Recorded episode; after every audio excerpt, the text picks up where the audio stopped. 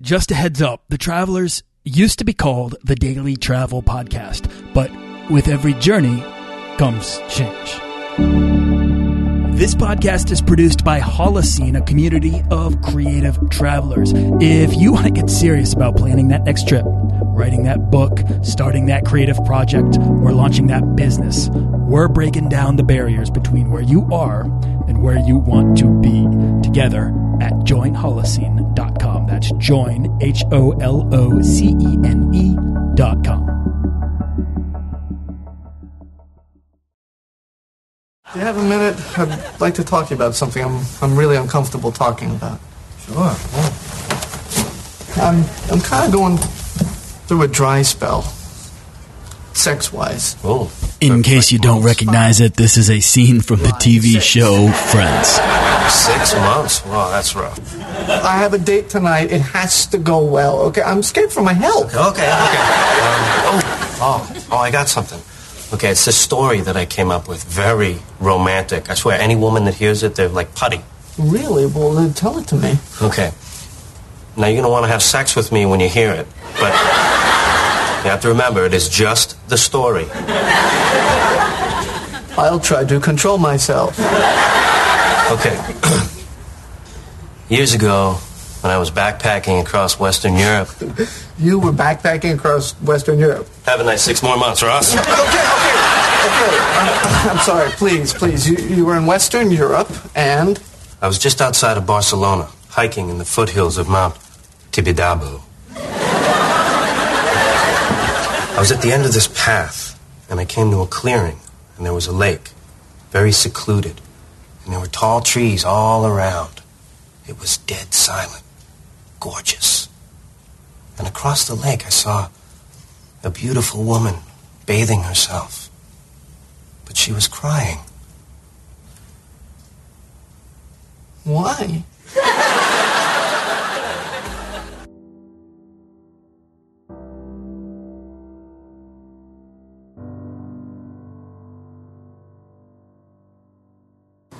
As a nation, we should do everything we can to encourage more of our young people to experience far off lands. Because the exposure to This is part four of a five part podcast miniseries covering the White House Travel Blogger Summit on study abroad and global citizenship. Uh, in this chapter, we're exploring the practical and emotional value of study abroad. And on the podium is Secretary of Commerce Penny Pritzker.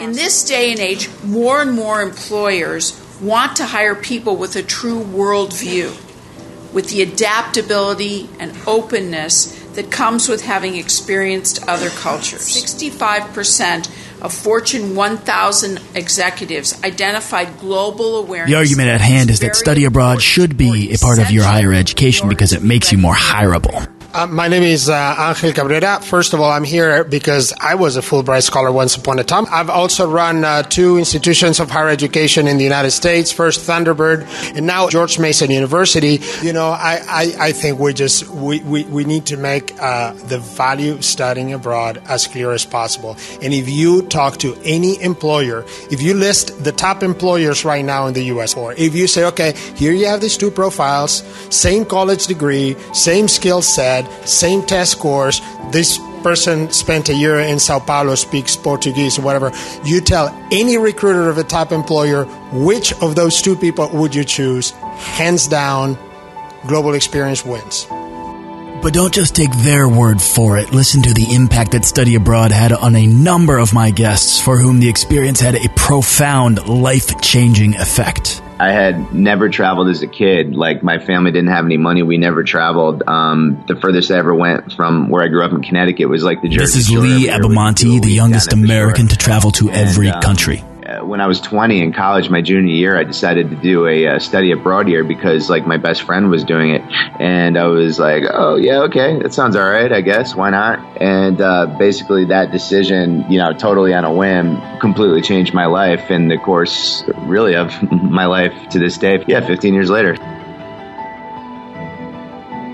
So I couldn't, I wasn't allowed to study abroad till I was a sophomore. My program wouldn't, wouldn't let us go, you know, too young. My friend Jackie So Laulainen, an author and budget travel expert. And went to Costa Rica for that first academic year abroad. And oh my goodness, it turned my life upside down in a good way. I mean, it completely changed me. And there's so i mean it just opened my eyes big time to get out of the us and see the world from a different you know angle basically and i loved it i was like totally introduced to the world of travel and just hooked after graduation. You know, and I had studied abroad in Sevilla. Scott in Spain. Dinsmore, a personal development coach and successful entrepreneur. A huge paradigm shift for me because I, I was around all these people. I lived with a Spanish family and created this awesome bond, and they became you know great friends and felt like family. And I seen how they all interacted in the society. It just you saw like it wasn't just about climbing just like some specific ladder, generally towards some success that you don't even care about um, or a ladder leaned up against either no wall or the wrong wall. Um, but instead, they were prioritized family and community and and enjoyment. And I know that that Spain doesn't have the best track record in their economy or any of that stuff. But you sit there and spend some time with them, and you just see like, wow, like they're really they, they decided that there's a different path. And so I that woke me up to like, okay, you, you don't just have to do things the same way. But uh, my sophomore year, I went and studied abroad on the island of Martinique in the Caribbean, where I learned French, and it was amazing. Tawny So Clark, fell in love a media travel. producer you and know, I brand was personality. In Martinique, staying with a host family, and it was the first time I was really on my own, in you know, in a way, in a sense. And I think I I already kind of had a little bit of the travel bug, even though I never really left the States. I just wanted to leave. I wanted to, you know, live in some foreign country, and that gave me an out and a, and a way to make it possible. I'm from Singapore. Um, so it all started when I went for a study abroad program in Miami. Um, and that was the, the experience that changed my life. It opened my eyes to the world. I think it was um, maybe because I was Nellie Huang, an adventurer and writer. a really different mindset and lifestyle. I remember the first day in class, I was really shocked by the way everyone was interacting with the professor, everyone was asking questions. It was just a really different learning environment as uh, what I was used to in Singapore. So that really changed the way I thought about the world. And because I was surrounded by international groups of friends, we were always traveling on weekends together. We were learning each other's languages. I was a very different person before Miami. I was a very shy and very timid girl. And after Miami, I just became a lot more sociable, a lot more confident, and it really changed me as an individual. In college, I realized that I wanted to go into education and that I knew French but not Spanish, which is not useful in the Boston public school system because we have. And my friend Lillie Marshall, a teacher and world traveler. That I had taken French for 12 years and knew, spoke none of it. And that if I actually wanted to learn Spanish, I needed to go somewhere and immerse myself in it. Just one month, I went from level zero of Spanish to the highest level, level five. Wow. Yeah. One was- yeah. One month of intensive Spanish language and living with a, a family in Mexico did it. But in in addition to that, realized how much I loved solo travel um, and just wandering around on my own through random streets in, in Mexico, trying the food, meeting the people. Um, I sculpted my life so that I could make it happen, that I would go somewhere new every spot of vacation that I had. It's this feeling of being blind and trapped when I'm not traveling.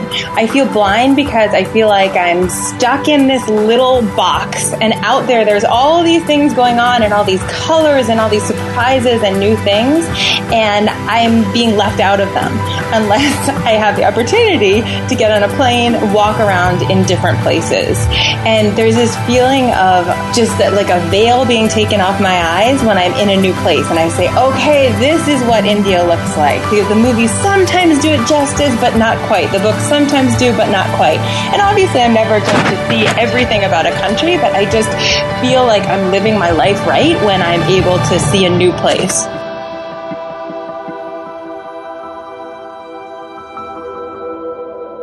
We'll explore the ways you can live the same story and my final thoughts and reflections next time on the final part of this five part podcast miniseries on the White House Travel Blogger Summit on study abroad and global citizenship. But first, Mm, this is great wine. It's from France. In Europe. Western Europe. You know, um, a few years ago, uh, actually, I was backpacking across Western Europe. Really? hmm Wait, it gets better.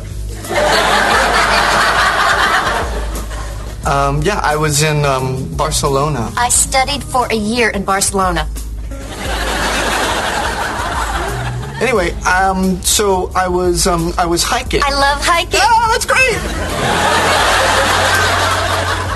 I was hiking along the foothills of uh, Mount Tibidabo. I think it's Tibidabo. Okay, do you want to tell the story?